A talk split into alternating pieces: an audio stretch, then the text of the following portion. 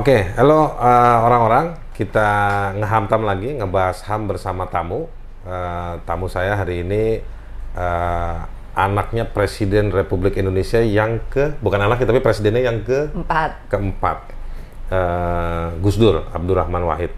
Uh, Mbak Anita Wahid, anak nomor tiga dari uh, Gus Dur. Uh, Gus Dur itu presiden paling singkat ya Ya, paling singkat. Tapi dia kalau buat saya nih teman-teman eh, singkat tapi cukup dan sangat signifikan untuk urusan hak asasi manusia. Betul ya? setuju. Eh, yang bikin pengadilan HAM, ngesahin undang-undang pengadilan HAM eh, itu Gus Dur. Dan eh, yang menarik buat saya Gus Dur itu nyeleneh. Orang ikut ICMI, dia nggak ikut ICMI. Eh, tapi adu balap eh, apa namanya partisipasi kontribusinya eh, signifikan meskipun dia nggak di ICMI. Eh, ada banyak kenang-kenangan lah Gus Dur buat kita semua. Nah salah satunya kenang-kenangannya itu Mbak, boleh nggak sih kalau anak tuh dibilang kenang-kenangan buat masyarakat boleh lah ya? Kenang-kenangan. Souvenir gitu maksudnya. Bukan souvenir, eh, apa lebih dari souvenir gitu. Eh, ada Mbak Anita Wahid yang punya banyak gawe hari ini soal eh, sosmed. Jadi kita akan dengar eh, edukasi dari Mbak Anita soal sosmed yang hari-hari ini makin hari makin jadi ranah eh, bertarungnya orang eh, pada beli mesin, beli suara, beli buzzer, apa segala macam lah istilahnya nanti kita dengar dari Mbak Anita. Tapi sebelum kita lanjutkan, Mbak Anita bawa Sale, pisang Sale. dari Bogor. Saleh dari Bogor. Dia dikasih 5 kilo, satu kilo dide- didedikasikan buat buat kalian eh, yang nonton, tapi secara virtual aja makannya. Kalau kita sekarang offline bingung juga ngabisinnya banyak begini ya kan. Oke. Eh, dari yang umum dulu. Mbak Anita rasanya gimana sama sosmed? Oke, jadi kan sosmed be- beda banget kan sekarang uh, kalau kita ngomongin informasi itu zaman dulu uh, Iya. kita tuh cuman konsumen info- informasi Oke. aja gitu. Dulu kita cuma terima ya. Cuma nerima, tapi kita tahu siapa yang produs, produsernya siapa kita tahu, Oke. TV, radio, majalah, Koran, koran, segala iya. macam. Kalau ada apa-apa kita tahu mesti ke mana perginya, kita tahu kantornya di mana, jurnalisnya siapa yang bikin dan segala macam.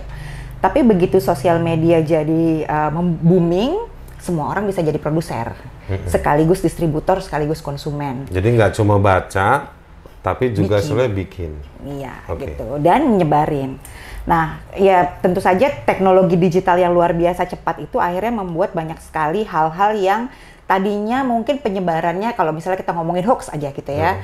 Hoax itu dari dulu juga ada, tapi mungkin nyebarnya nggak nggak cepat gitu, Oke. dari mulut ke mulut Oke. gitu kan. Gosip banter- lah, dulu gosip. Gosip gitu. Tapi sekarang jadi cepet banget hitungannya, hitungan jam. Itu bisa langsung dapetin berapa eh, berapa juta eh, viewer gitu hanya dalam Hmm. beberapa jam aja.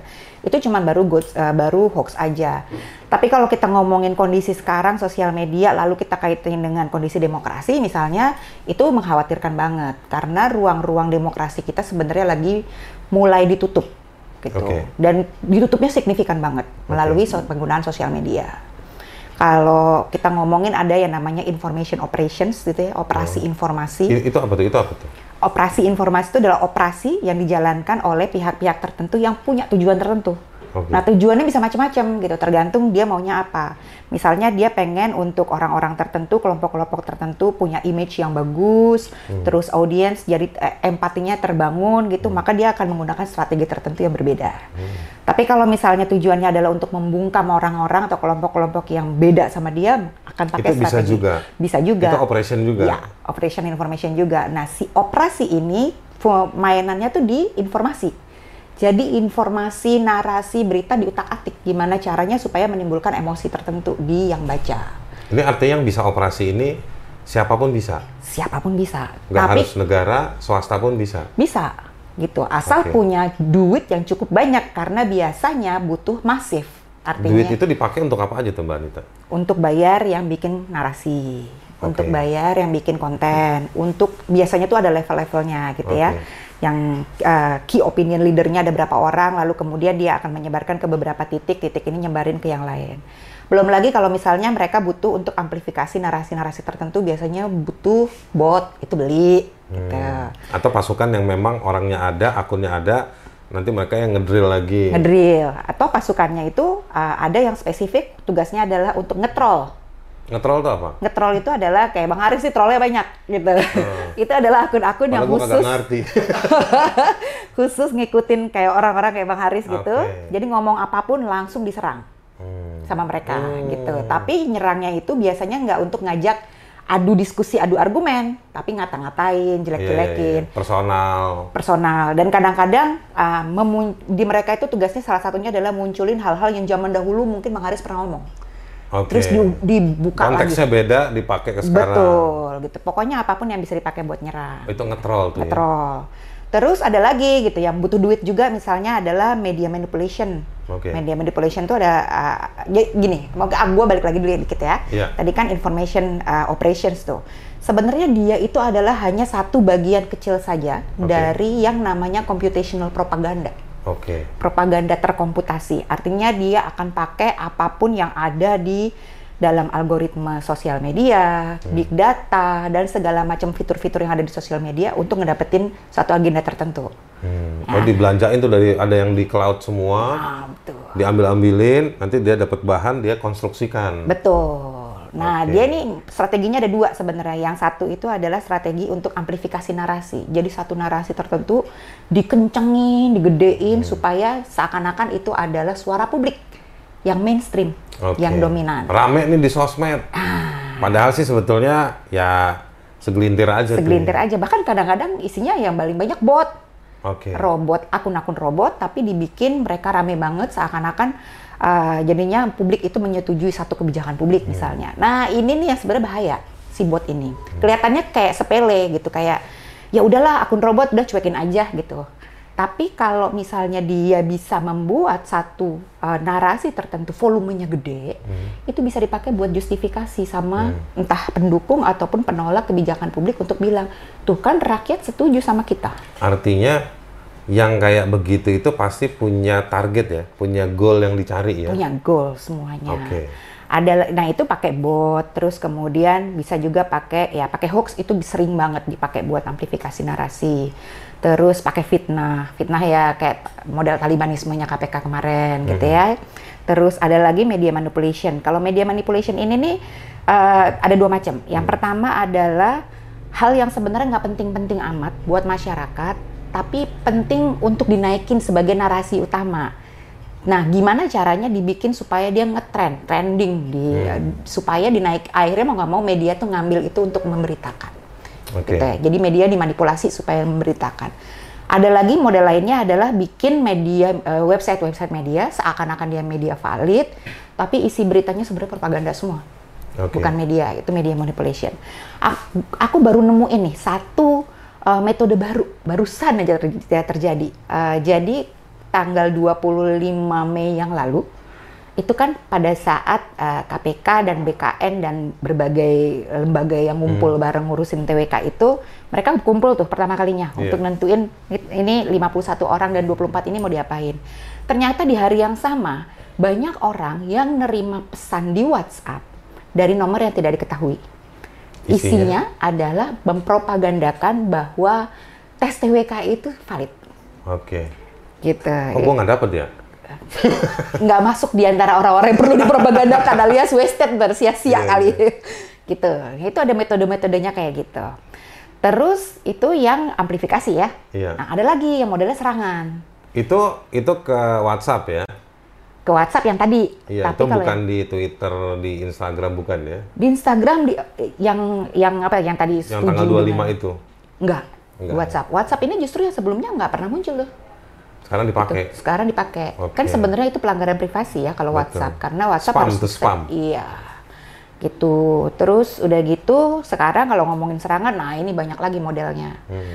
Ada dari yang information uh, operations tadi terus pakai hoax jelas, pakai troll dan bot juga, terus ada lagi pakai uh, apa ya uh, hijacking akun.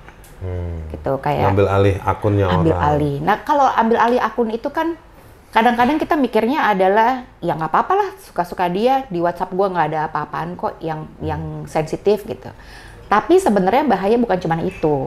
Yang bahaya adalah kalau abis itu si akun ini dipakai buat nyebarin informasi-informasi tertentu yang provokatif. Kayak di Pontianak kemarin. ah betul. Pas eh, dan Laksono dan kawan-kawan publis filmnya Iya. Endgame, ada temen di Pontianak ya, yang akunnya diambil alih, terus dibilang mau ngebom. Betul. Nah ini sebenarnya udah lama loh. Aku tuh pertama kali ngelihat ini itu di masa eh, riot Mei dua- 2019. Itu ada 2000? 19. Oke. Pasca RDK, RDK. pasca ya pasca pilpresnya pas Iya. masa-masa MK itu. Iya. Nah, itu itu mulai itu ada saat eh, dua pesan kayak gitu yang aku tangkap. Terus pada saat demo eh, melawan RUU revisi Undang-Undang KUHP, RUU revisi KUHP. Oke. Itu ada mahasiswa dua orang di Bandung yang dia nggak mereka nggak sadar WhatsApp-nya diretas dari WhatsApp mereka keluar ajakan yang pertama adalah bikin bom untuk bi- untuk merusuh. Yang satu lagi malah ngajakin untuk geruduk rumah Kapolri dan menggal palanya Kapolri. Hmm, Gitu. Terus abis itu tentu saja kita tahu kasus Raffio Patra. Raffio, betul. Ya, dan terakhir ya itu yang kemarin. Iya di Pontianak. Betul.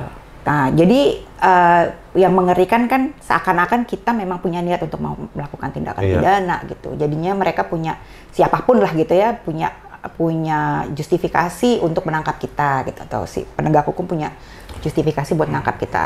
Mbak Anita ini kan banyak nih tadi tuh ya. Kalau operation itu ada apa sektor-sektor yang harus dikerjakan banyak. Dari awal Mbak Anita bilang ini orang yang punya duit. Yep. Eh, jadi yang bisa mengerjakan ini orang yang punya duit, orang yang punya alat, atau Mungkin ya. bisa menggunakan alat juga ya. Butuh alat nggak tuh dia? Alat-alat yang mungkin aplikasi khusus, atau dia bisa dapat informasi-informasi yang nggak ada di masyarakat nih bisa dapat dia. Bisa sangat mungkin terutama kalau misalnya mau mata-matain ya, kita Iya. ngapain aja itu bisa pakai spyware yang paling canggih sejauh ini kan Pegasus ya bikinan Iya. Israel gitu. Itu bisa aja, tapi aku nggak tahu deh, emang ada yang punya ya di Indonesia ya. Konon Eh. katanya gosip-gosipnya ada tapi nggak tahu bagaimana. Iya, kalau di obrolan-obrolan katanya ada yang punya gitu. Tapi sekarang yang saya mau tanya tuh begini, ini eh, yang menggunakan sarana sosial media untuk menciptakan fitnah, intinya melakukan operasi dengan tujuan tertentu, lalu membangkitkan emosi orang, menggunakan data-data atau informasi-informasi tertentu. Ini kan artinya bukan orang sembarangan ya. Artinya bukan orang awam ya. Orang awam bisa tapi Orang awam bisa selama ngelontorin uang aja dan berpikir Iya. pokoknya beres ya kerjain ya mungkin masih bisa. artinya dia punya waktu, dia punya teman, ada pembagian peran, bisa lakukan itu ya. Bisa. Oke. Ah, nah sekarang sebaliknya, Hmm. kan sosial media nggak seharam itu kan. Enggak. Artinya kan kehidupan kita sekarang pindah nih ke sosial media bagi sebagian orang. Betul. Eh, demo nggak sebanyak dulu, tapi eh, trending tuh di sosial media bisa ada 20, 30 setiap hari. Artinya banyak orang yang menaruh eh, trennya atau men- menaruh pertarungannya memang di sosial media. Betul. Dan itu biasanya kadang-kadang orang yang lucu-lucu. Artinya innocent, lugu. Artinya di sisi yang lain sebenarnya sosial media ini oke dong. Oke, oke banget. Bahkan kalau kita ngomongin berdemokrasi, eh, sosial media bisa jadi sesuatu yang eh, mendukung ya proses demokratisasi. Kan dia nyediain kita platform-platform supaya kita bisa melakukan pengawasan misalnya. Iya. Ya, akuntabilitas jadi ada. Kita bisa eh, jadinya ngikutin tuh gitu rapat dengar pendapat di DPR Iya. pada saat pembuatan kebijakan publik. Eh, kalau nggak ditutupin maksudnya ya. Iya. Ah.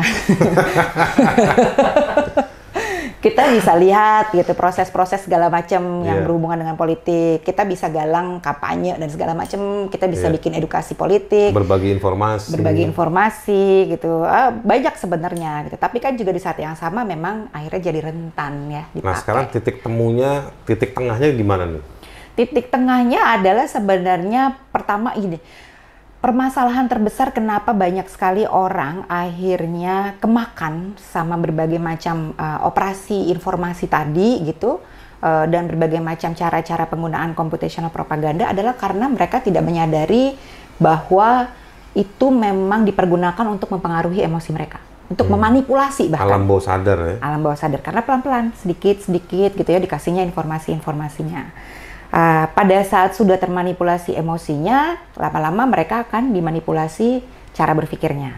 Oke. Okay. Abis itu perilakunya. Itu tahapannya ya? Tahapannya. Abis itu perilakunya.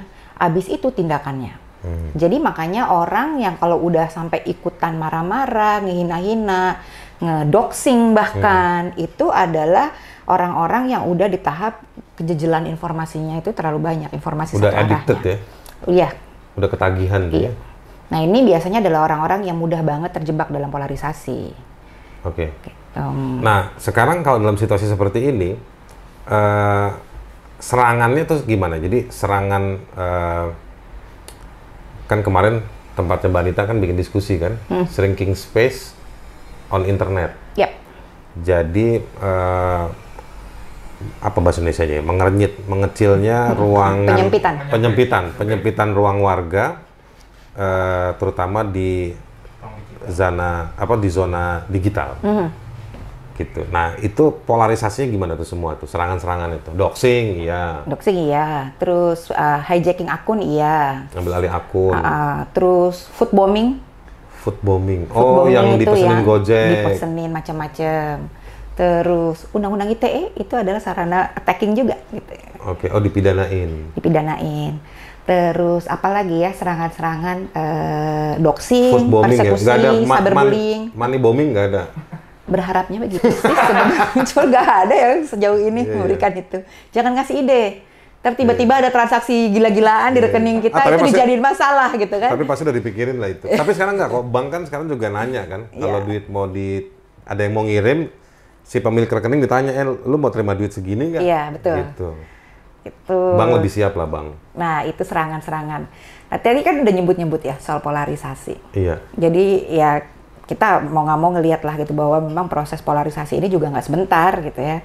Dari sejak awal 2004 apa presidential eh, election 2014 terus masuk ke pilkada DKI 2016 2017 terus sampai ke 2019 masuk ke masa kampanye tuh sebenarnya pada saat itu polarisasinya sudah terkristal. Hmm. Dan ini nggak jelas sebenarnya ini polarisasi apa, apakah politik, apakah ideologi, apakah kecampur-campur gitu. Iya.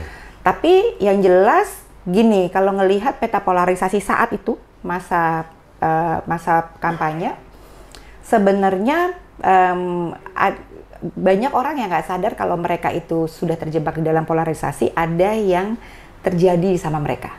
Yang, hmm. yang itu penjelasannya gimana tuh? Penjelasannya gini, jadi kalau orang ada di dalam satu grup terpolarisasi, mereka tuh biasanya nggak mau main sama yang lain. Maunya udah sama okay. situ aja ya. Unfriending gitu, yeah. unfollow dan segala okay. macam. Bangga lagi. Gue unfriend aja, gue unfollow yeah. aja. Di gitu. screenshot. Di screenshot. akhirnya masalahnya adalah algoritma sosial media itu kan membuat kita akhirnya hanya bisa menerima sesu informasi sesuai yang kita suka. Iya, praktek kita itu dibaca dan disampaikan lagi seperti yang kita suka itu. Betul. Jadi kalau misalnya pernah nge-like siapa, misalnya Prabowo, hmm. Jokowi, itu direkam semua sama algoritma. Hmm. Kalau pernah nge-like Jokowi, abis itu semua informasi yang masuk yang didahulukan di sosial media itu adalah yang bagus-bagus soal Jokowi hmm. dan yang jelek-jelek soal Prabowo. Iya, iya. Kalau suka Prabowo, kebalikannya. Sebaliknya gitu. Yang, yang bingung sekarang mereka tiba-tiba Prabowo satu kabinet sama Jokowi. itu dia gitu. Yeah. Tapi tapi masalahnya itu terjadi ketika polarisasinya udah sedemikian kuat. Karena okay. kalau udah sedemikian kuat, akhirnya ada hal yang terjadi ini nih yang mereka nggak sadar. Kayak misalnya gini, masing-masing kelompok itu berpikir hmm. bahwa semua hal yang mereka lakukan dan dia lakukan sama kelompoknya itu didorong dan dimotivasi oleh kecintaan mereka terhadap bangsa. Hmm. Tapi mereka ngelihat bahwa semua hal yang dilakukan oleh kelompok sebelah yeah. itu adalah it, adalah tindakan-tindakan yang dimotivasi oleh kebencian mereka terhadap kita. Oke. Okay. Jadi dalam polarisasi konteksnya itu cuma ada us versus them. Kita yeah. lawan mereka, udah nggak ada yang lainnya. Jadi cuma dua kelompok aja yang terlihat. Hmm. Kelompok lain nggak ada. Kayak aku misalnya aku menolak masuk ke dalam kelompok polarisasi. Aku nggak dukung siapa-siapa gitu, nggak urusan maksudnya bukan nggak dukung siapa-siapa. Nah, buat mereka itu nggak mungkin gitu, nggak kelihatan nih orang-orang kayak gini. Terus uh, selain itu di dalam kelompok polarisasi ini yang terjadi juga adalah semuanya dilihat dari kacamata tribal. Yang bagus-bagus dari kelompok sendiri kelihatan banget, yang bagus yang jelek-jelek dari kelompok sebelah itu kelihatan sangat jelas. Iya. Lalu yang lainnya juga adalah uh, terjadi uh, setiap ketidakadilan yang disebabkan oleh kelompok sendiri itu nggak Iya. kelihatan. Oke. Sementara ketidakadilan yang dilakukan oleh kelompok sebelah itu sangat jelas. Kalau Kalau saya- tidak ada, Hah? itu dicari-cari supaya ada. Kalau saya ser- sering ketemu gini nih, Mbak Anita. Giliran kelompoknya jadi korban, gede tuh. Itu Nah. ada lagi namanya. Kalau nanti kelompok lain atau di luar mereka yang jadi korban, tutup mata semuanya. Itu ada yang namanya sesuatu lagi yang terjadi juga di polarisasi. Itu apa namanya? Namanya adalah competitive victimhood. Oke, bener-bener. Berlomba-lomba dalam menjadi korban. Iya. Nah, Kesannya kan- Indonesia kagak ada dulu, ya kan? Gue juga bingung. gitu sementara korban-korban yang real gitu ya orang-orang yang diusir karena tanahnya Iya. mau dipakai buat pabrik itu mereka nggak peduli amat gitu sama Iya. orang-orang kayak gitu-gitu nggak kelihatan di radarnya Competitive mereka Victim. victimhood. Oke. Boleh tuh yuk dibikinin posternya. nah itu ada begitu-begitunya ya. ada begitu-begitu. Yang terjadi juga di kelompok ini adalah ya yang namanya dehumanisasi. Ngelu ngelihat orang kelompok lain itu udah nggak udah bukan manusia lagi. Iblis setan orang jahat. Iya. jadi karena mereka merasa korban mereka berhak untuk menjahatin si kelompok lain. Makanya terus kalau misalnya ada apa-apa yang berbeda mereka kejam gitu ya. Tapi kalau misalnya diingetin gitu, tapi kan eh, mereka justifikasinya adalah iya kan kami korbannya mereka. Tapi kalau diingetin, kamu bukannya juga jahat ya sama mereka? Iya, tapi mereka lebih jahat. Jadi kami lebih berhak untuk jahat gitu. Balap-balapan jadinya. Balap-balapan. Gitu. Nah, masalahnya adalah kalau orang udah ada di dalam kelompok polarisasi ini, mereka itu berpikirnya udah nggak lagi pakai nalar Iya. mereka ngelihatnya nerima informasi itu benar-benar berdasarkan ini informasinya sesuai nggak sama apa yang saya dan kelompok saya percayai. Kalau sesuai, pasti valid informasinya. Udah nggak perlu dicek lagi. Hmm. Tapi kalau tidak sesuai, pasti hoax. Gitu. Jadi, ayo kita cari nih uh, bantahannya. Dan pikiran dan perasaan itu dimanifestasikan ke dalam toples sosial media tadi itu. ya. Betul, makanya isinya ujaran Kadang-kadang kan orang ya lu benci oke lah, lu sakit hati oke lah. Tapi kan ada jarak dengan si ekspresi. Nah ini apa yang dia 100% rasakan dituangin plek-plekan Iya. ke dalam sosmed itu ya. Betul. Nah sekarang saya mau diskusi soal tech community, komunitas teknologi. Si pemilik aplikasi, perusahaan aplikasi, pengelola. Cukup nggak sih? Saya kadang-kadang pengen gitu maki-maki Mark Zuckerberg gitu.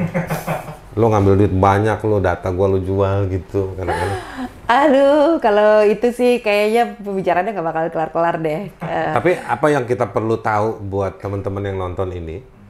eh, yang punya sosmed lah. Oke, ya let's say mereka kan meskipun bisnis ya mereka nggak bisa dibilang private sector gitu aja Betul. mereka penyedia aplikasi buat publik maka kita harus kasih tahu kan ke Hmm. teman-teman nih eh, ya singkat aja kira-kira apa yang kita harus hati-hati dengan penyedia aplikasi kemarin kita berapa lalu diskusi soal pinjol ya. pinjol itu yang boleh cuman eh, cemilan kamera eh, speaker Mhm. ya Lokasi. sama lokasi Oh, oke. di luar itu kita nggak boleh yes. Ya, oke, oke, oke. Nah, cuma kan kita kan kadang mau buru-buru yes, yes, Iya, yes. nggak yes. merhatiin. Nggak nyari 15 juta supaya cair buruan kan? Gitu kira-kira. Kadang-kadang begitu. Nah, padahal itu cuma boleh cemilan, kamera, speaker sama lokasi. Oke, yang paling mendasar ya soal sosial media. Kita kalau daftar di satu akun sosial media, bikin akun sosial media, bayar nggak? Enggak, Gratis. Padahal kan bisnis. Kok kita gratis? Iya, diambil data kita. Tuh. Dia Jadi jual. kalau kita um, make sesuatu yang gratis, biasanya Ada kita barternya. produknya. Gitu. Kita itu penggunanya itu adalah produknya. Nah, produknya produk apa? Jadi siapa kliennya? Kliennya adalah yang mau mempergunakan data kita, Oke. baik untuk marketing jasa, uh, produk ataupun entah marketing apa pun lainnya gitu ya, Oke. kayak si Cambridge Analytica misalnya. Iya, iya. Itu untuk kebutuhan politik, pemenangan Oke. pemilu. Gitu. Jadi teman-teman sebaiknya memang benar-benar wanti-wanti ketika pakai sosmed sadari bahwa kita itu produk. Jadi supaya kita nggak dijadikan produk dengan data kita, eh, benar-benar perhatiin algoritmanya seperti apa sosial medianya. Kalau saya biasanya jelas data yang tertera itu di dalam sosial media sangat sangat sangat minim. Di dalam setiap sosial media ada fitur-fitur. Misalnya ada fitur kamera, fitur apa segala macam. Kalau saya nggak butuh, saya matiin. Kayak misalnya gini, siapa yang suka main Instagram? Pada saat unggah post, eh, posting foto di Instagram, fotonya ngambilnya pakai kameranya Instagram atau pakai kamera HP? Kalau misalnya pakai kamera HP berarti kamera Instagramnya sebenarnya nggak perlu kan, matiin aja. Gitu, sehingga nggak perlu ada akses dari Instagram terhadap kamera itu untuk melihat kita. Oke. Misalnya gitu ya. Jadi fitur-fitur yang nggak perlu dimatiin. Kemudian sadari bahwa setiap hal yang kita lakukan di sosial media, walaupun hanya sekedar nge-like, itu adalah rekam jejak, jejak digital kita. Yang bisa jadi sesuatu yang kemudian di-profiling. Kalau kita di-profiling, berdasarkan cara kita menggunakan Nge-like. sosial media, nge-like, komen, apa segala macam, maka kita sebenarnya rentan untuk jadi uh, korban micro targeting. Micro, micro targeting itu misalnya gini, misalnya anggaplah kita lagi mau pemilu nih, saya nge-like kandidat A gitu ya, maka yang punya data kita, data tentang saya, dia akan berpikir, oh si Anita ini dia sukanya A, padahal kan kita lagi mau dia supaya mendukung B. Kalau gitu mari jejali uh, fitnya Anit ini dengan hal-hal yang positif mengenai B dan hal-hal yang negatif mengenai A, walaupun hoax pun nggak apa-apa. Itu yang kemudian masuk ke saya, gitu informasinya. Oke, oke, oke. Gitu. Jadi perhatiin itu sih sebenarnya tiga hal itu aja. Nah, selalu yang jadi rame soal negara, pemerintah. Saya sering kali melihat negara menikmati dalam keotik eh, pikiran dan perasaan yang yang Tapi seneng ngeluh, apa? menikmati tapi seneng ngeluh. Iya, senang nungguin bahkan. Jadi si pemerintah eh, juga menikmati, tapi juga pemerintah kan punya fungsi atau kewajiban untuk meregulasi dan bertindak. Nah tadi tuh yang jadi tindakan tuh di apa dipidanain, ujung-ujungnya kan ke negara juga, gitu. Jadi sebenarnya posisi negara pemerintah agak-agak goyang dangdut juga ya ke sana kemari ya. Tergantunglah kebutuhannya apa ya. Maksudnya gimana tuh? Karena gini, ini polarisasi gila-gilaan banget nih, bikin kita sangat nggak sehat sebenarnya Iya. eh, ruang digitalnya. Demokrasi udah ke laut gitu, gara-gara eh, semuanya tidak lagi menggunakan diskursus, tapi mementinginnya pokoknya main hajar-hajaran. Iya. Terus mudah banget menggunakan fitnah dan segala macam dan berbagai macam uh, computational propaganda strategi tadi. Itu kadang-kadang menguntungkan buat pemerintah, kadang-kadang juga eh, tentu membawa ekses gitu. Iya. Makanya sering akhirnya pemerintah misalnya komplain mengenai eh, apa namanya eh, kami itu selalu dihujat-hujat dan Iya. segala macam. Ya sering tuh kayak gitu tuh. Ya kan, ngeluh terus kan bagian Heeh. itu gitu. Padahal nggak mau ngelihat lah. Bukannya situ yang dulu juga ngebantuin supaya polarisasi ini terjadi. Ya kan nyebelin ya. Iya. Gitu. Nah, ya itu sih sebenarnya. Tapi di banyak hal, Ya nyebelin tapi gimana nih? di banyak hal kalau terkait kebijakan publik itu pun juga masih sering kepake gitu. Masih sering menguntungkan posisinya. Nggak tahu pemerintah, nggak tahu eh, kelompok-kelompok tertentu di dalam pemerintah, tapi pasti ada yang diuntungkan. Kayak sekarang nih ada kebijakan eh, Kominfo, Pak siapa nih Johnny Plate dan beberapa yang lain setuju dan meminta si perusahaan atau penyedia aplikasi untuk kasih data. Itu solusi nggak sih buat masalah atau buat Mbak Anita itu bukan solusi dari hal yang gue diskusiin tadi, tapi itu memang juga penting atau gimana? Eh, nah itu trikinya sih sebenarnya ya. Sementara Karena- kita belum punya undang-undang perlindungan data pribadi. Iya belum, belum keluar. Nah, eh itu itu ya sebenarnya paling trik, trik- trikinya memang gitu. Eh, Posisi-posisi yang kayaknya kita eh, harus berpikir slippery slope lah gitu ya. Uh, kalau misalnya diambil dampaknya apa, mungkin bisa jauh lebih buruk. Tapi kalau nggak diambil, sekarang kondisinya kayak gini. Kalau misalnya ngomongin mengenai data, kan sebenarnya yang per- perlu ditanyain itu adalah uh, pengumpul, pengagregator data dan kemudian penyimpan data itu sebenarnya uh, ininya apa gitu, konsekuensinya apa, dan apakah bis, pun- selama ini punya kredibilitas Iya. dalam penjagaannya. Ini kan Nah, hal yang baru semua ini kan. Betul gitu. Kalau misalnya eh, kalau aku terus terang aja aku ngerasa nggak suka dataku dipegang oleh pihak-pihak yang Iya. aku nggak izinin gitu misalnya ya. Eh, bu- walaupun sebagian besar orang Indonesia belum ngeh mengenai data itu. Em, aku nggak suka misalnya terutama misalnya data data kesehatanku gitu terus kemudian diminta Iya, oleh itu pihak sensitif dong. sensitif gitu diminta dikumpulkan hanya gara-gara undang-undang mensyaratkan itu gitu atau Iya. peraturan pemerintah mensyaratkan itu aku nggak mau itu peraturan yang sebenarnya nggak dikonsultasikan kan ke kita kita nggak ditanyain setuju atau enggak Betul. gitu kalau misalnya kemudian masyarakatnya setuju eh, ada proses yang bisa memastikan eh, ini boleh diambil oleh kementerian ata apa atau agensi apa tapi data orang per orangnya itu dimintai konsen dulu saya nggak keberatan gitu. Tapi kalau misalnya nggak ada proses itu ya it- jadinya pemaksaan sebenarnya. Dan juga kalau nanti misalnya ada pelanggaran yang mengakibatkan kerugian atau luka pada orang pemilik data, harus disediakan mekanisme pemulihan ya kan. betul. Sementara di Indonesia pelanggaran hak itu cuma butuh dua menit, menuntut keadilan 20 tahun. Betul. Plus anggap lagi nih, eh, yang menarik tuh dengan peraturan-peraturan dan undang-undang ini ya, terutama kelompok-kelompok terpolarisasi itu mereka nggak sadar bahwa kalau ada perubahan peraturan dan undang-undang, eh, mereka berpikirnya ngelihatnya adalah karena tapi kan pemerintahnya ini orang baik. Ya, ya, Gitu. oke Kita lah. bisa percaya beliau itu kan nggak pernah punya niatan agenda mengkayakan diri sendiri dan segala macam betul. Jokowinya. Tapi- Jokowinya. Yang di asisten tiga, sekretarisnya, Nah, itu terus walau tetangganya, deh. nah itu, Dan pertanyaannya adalah ketika Jokowi sudah tidak lagi jadi presiden, lalu apa? iya. Apakah kita bisa percaya sama penerusnya? Nah, yang jangka panjang itu kan nggak pernah dipikirin atau nggak mau ngelihat ke situ. Eh, ini yang membuat aku uh, nyeseknya minta ampun adalah karena di berbagai macam keributan-keributan mengenai undang-undang, proses pembuatan undang-undang, eh, kelompok-kelompok terpolarisasi ini benar-benar ngelihatnya cuma dari eh, dikotomis banget. Iya, Pro memang emos, iya. emosional doang. pro pemerintah atau anti pemerintah. Kasus Papua pro NKRI atau pro separatis, cuma itu pilihannya. Nggak ada misalnya pilihan untuk ayo kita lihat bareng-bareng apa yang terjadi di Papua.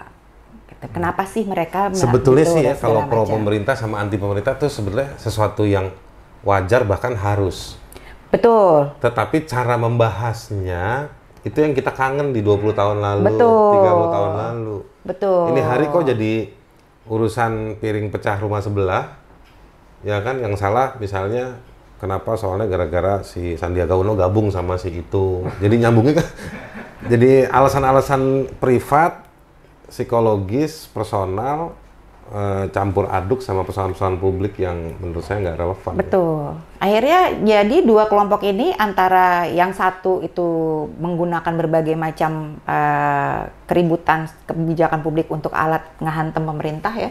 Satu kelompok kan gitu. Satu kelompok lagi pokoknya tutup mata nggak peduli sama semua semua apa pun, semua yang dikeluarin pemerintah bagus dan harus kita gaungkan eh, kebagusannya gitu. Tapi nggak bisa sama sekali diajakin untuk ngomongin, ayo dong kita lihat proses pemilihan capim KPK-nya kayak gimana. Iya. eh, proses pembuatan RUU KPK, eh, revisi KPK kayak gimana, proses pembuatan omnibus law gimana, Iya. substansinya, ayo lihat konsekuensi dari undang-undang berlaku ini berlaku apa, itu nggak mau, gitu, Nggak mau. nggak mau, Dia ngeliat yang yes, cuman sekedar tiga baris, empat baris. betul, karena nggak bisa, karena itu berlawanan dengan narasi kelompoknya, gitu. Kabar baiknya tapi ini udah mulai bergeser dikit nih, Oke. Masih terkait sama sosmed nih. masih terkait sama sosmed dan Oke. polarisasi. Jadi si polarisasi ini kan kalau dulu kita ngomonginnya anti pemerintah dan pro pemerintah, tapi mulai Ce- udah cebong, mulai cebong kadrun. Kira-kira begitu cebong lah. kadrun ya, Iya. cebong kadrun. Itu salah satu contoh dehumanisasi tuh, Ce- cebong kadrun itu kan Iya. tuh, dehu- dehumanisasi. si tapi mulai ada penggerogotan sebenarnya dari salah satu kelompok ini karena mulai ngelihat kok kebijakannya begini ya gitu. Mulai ada makin banyak orang yang bertanya-tanya. Kelompok-kelompok LSM, CSO CSO yang fokusnya adalah pada isu gitu, itu mulai dilihat sama mereka.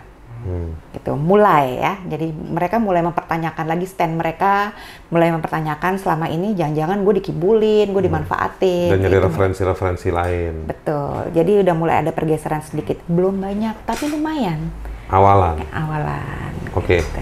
Nah sekarang gini, kalau misalnya soal ini nih, anak muda, eh, terus terang aja yang nonton YouTube kita ini range-nya 20 ke atas sampai 35 mayoritas. Di sosmed saya saya perhatiin juga begitu. Anak-anak muda, anak muda jumlahnya lagi banyak, ya kan.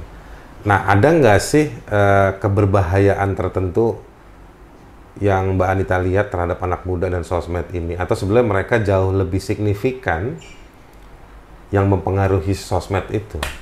Misalnya pekerja-pekerja eh, visual, kan anak muda semua. Saya jarang ketemu kakek-kakek umur 55 yang jadi operator eh, Instagramnya siapa itu kan nggak ada. Anak muda semua kan. Iya, benar, benar. Nah, Ade Armando itu berapa ya? Hah? Ade Armando itu berapa? Ade Armando temennya Mbak Anita.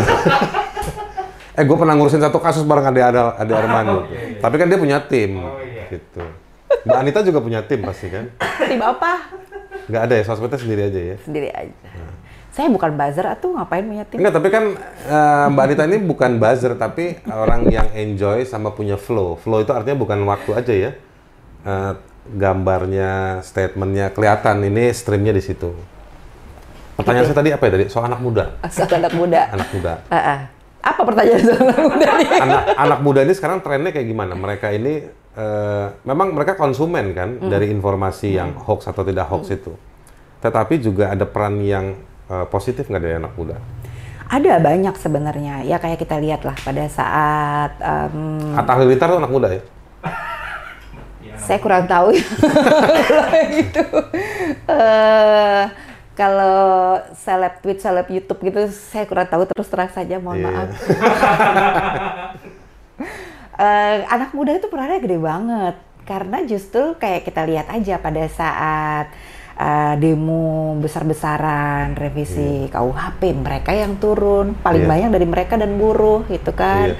Terus kemarin Di juga tweetnya tapi juga geng eh, apa K-pop ya?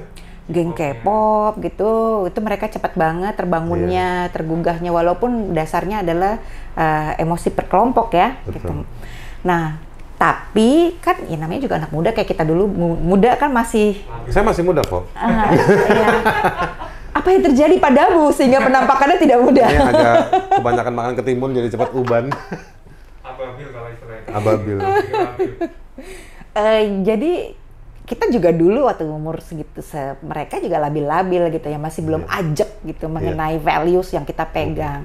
Jadi kita juga jangan uh, kemudian membanding-bandingkan lah zaman kita dulu begini, zaman mereka dulu gini. Kita dulu hidupnya di masa Orde Baru Iya. dalam represi. Jadi tentu berbeda Minim dengan akses anak informasi. Betul gitu. Jadi tentu beda banget dengan anak-anak muda yang berada dalam kebebasan informasi Iya, mereka hidupnya. bangun tidur udah banyak informasi. Betul, mereka brojol aja langsung pegang gadget kan dari Betul. perut. Gitu. Betul. Jadi kita nggak nggak bisa bandingin. Mereka punya caranya mereka sendiri. Yang perlu benar-benar ditanamkan kepada anak muda justru adalah ilmu-ilmu tentang demokrasi, Mhm. ilmu-ilmu tentang HAM, dan ilmu-ilmu tentang pegangan values.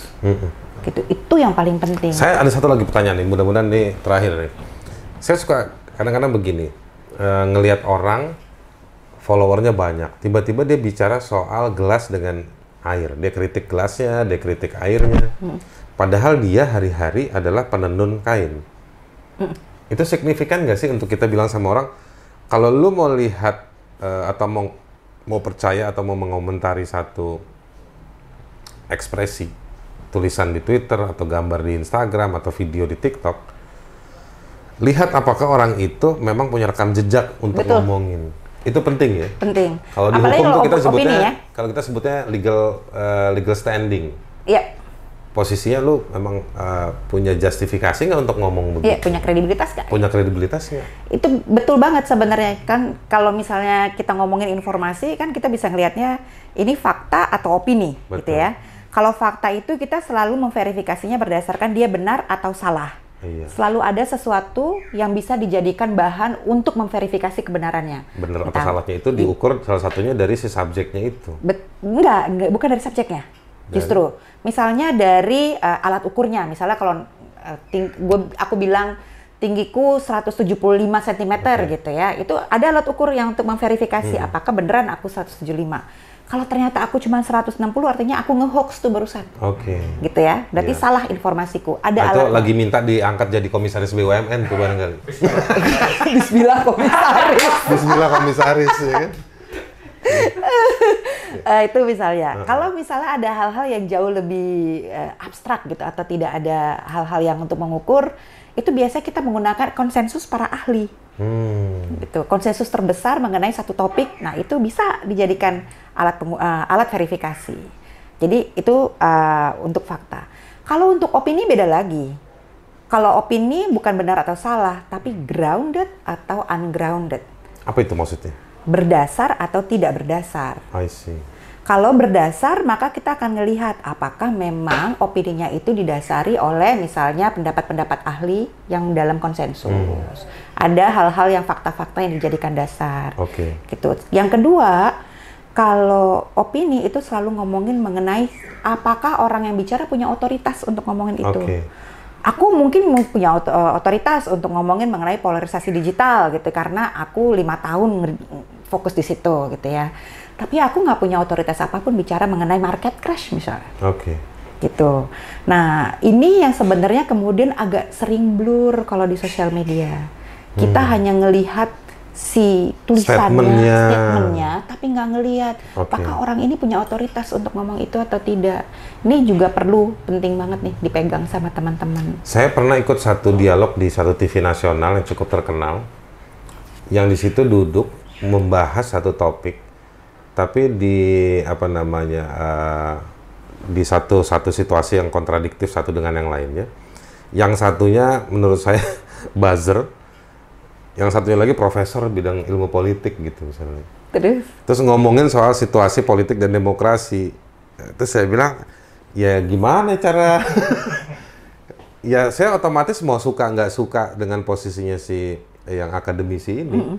Ya dia jelas nulis Betul. di situ, betul. tampil di seminar eh, dengan topik itu. Sementara si buzzer ini dari teknologi aja, dari tren aja ini baru beberapa tahun belakangan saja. Dan dia lebih terlihat sebagai profesi yang nerima berbagai macam eh, isu diomongin, tapi rekam jejak pada topik politik dan demokrasinya dikit. Gitu. Kayak siapa itu? Saya nggak usah sebut namanya lah. Nanti komentarnya panjang di video ini. komentarnya panjang. Oke, Mbak kasih eh, Mbak Anita. Eh, orang-orang sekalian, eh, kita berapa menit nih? Du- Dua setengah jam kali ya? Satu jam kurang. Satu jam kurang, tapi eh, banyak banget keywords. belum ya. Eh, saya curiga, saya sendiri nanti harus perlu melihat video ini dua tiga kali untuk menikmati dan juga menjadikan poin-poinnya Mbak Anita ini sebagai eh, acuan saya untuk hati-hati. Ada banyak banget tadi kita ngobrol berapa puluh menit ke belakang tadi ini. Itu ada macam eh, petunjuk-petunjuk, definisi-definisi yang sebetulnya Anda perlu juga saya ma- mengajak, menganjurkan untuk juga coba cek paling nggak cek HP Anda deh. Cek HP Anda, apakah aplikasi-aplikasi yang Anda download itu itu eh, settingannya Anda buka. Kalau Anda terlalu sibuk eh, pamit sama suami, pamit sama istri atau pamit sama anak setengah jam untuk ngecek HP atau cari orang untuk ngecek eh, yang ngerti untuk ngecek HP Anda dan sosmed Anda supaya nggak kebablasan. Kadang-kadang saya suka ngelihat orang suka ngetik ya tiba-tiba banyak huruf X sama W sama Z kakak-kakak. ini yang gampang-gampang aja gitu. Nah, kalau yang begitu aja bisa terjadi, eh, mudah-mudahan nggak terjadi, tapi bisa juga terjadi eh, apa namanya agak jumping-jumping gara-gara signal. Faktornya banyak di HP. Biasanya kan di HP nih orang main sosmed. Ada faktor signal, faktor teknologinya, faktor ada jarak antara kita dengan petunjuk-petunjuk di aplikasi, dan ada lagi faktor kitanya sendiri yang emosional, uh, sumbu pendek, uh, pokoknya uh, greges-greges belain kelompok kita sendiri.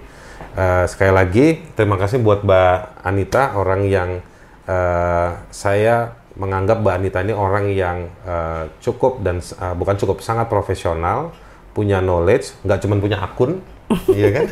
Nggak cuma punya HP dan laptop, tapi memang punya knowledge, pengetahuan dan mempraktekkan, uh, memeriksa beberapa kali kegiatan uh, atau aktivitas-aktivitas di sosial media. Terima kasih banyak buat uh, Mbak Anita. Saya udah bilang kan dari tadi, ini anaknya Gus Dur, lo jangan main-main, ya kan? Nih kalau Gus Dur masih hidup, ya kan, pasti Gus Gus Dur kasih akun sosmednya ke Mbak Anita. Oh, aku pakai kaos ini sengaja. Nah, Gambarnya Gus Dur. ya kan? Gus Dur belum tentu lulus lolos tes, Tes wawasan wawasan kebangsaan. kebangsaan. Bagian bagi kalian yang muda-muda, saya waktu di umur kalian, saya banyak nikmati eh, Gus Dur.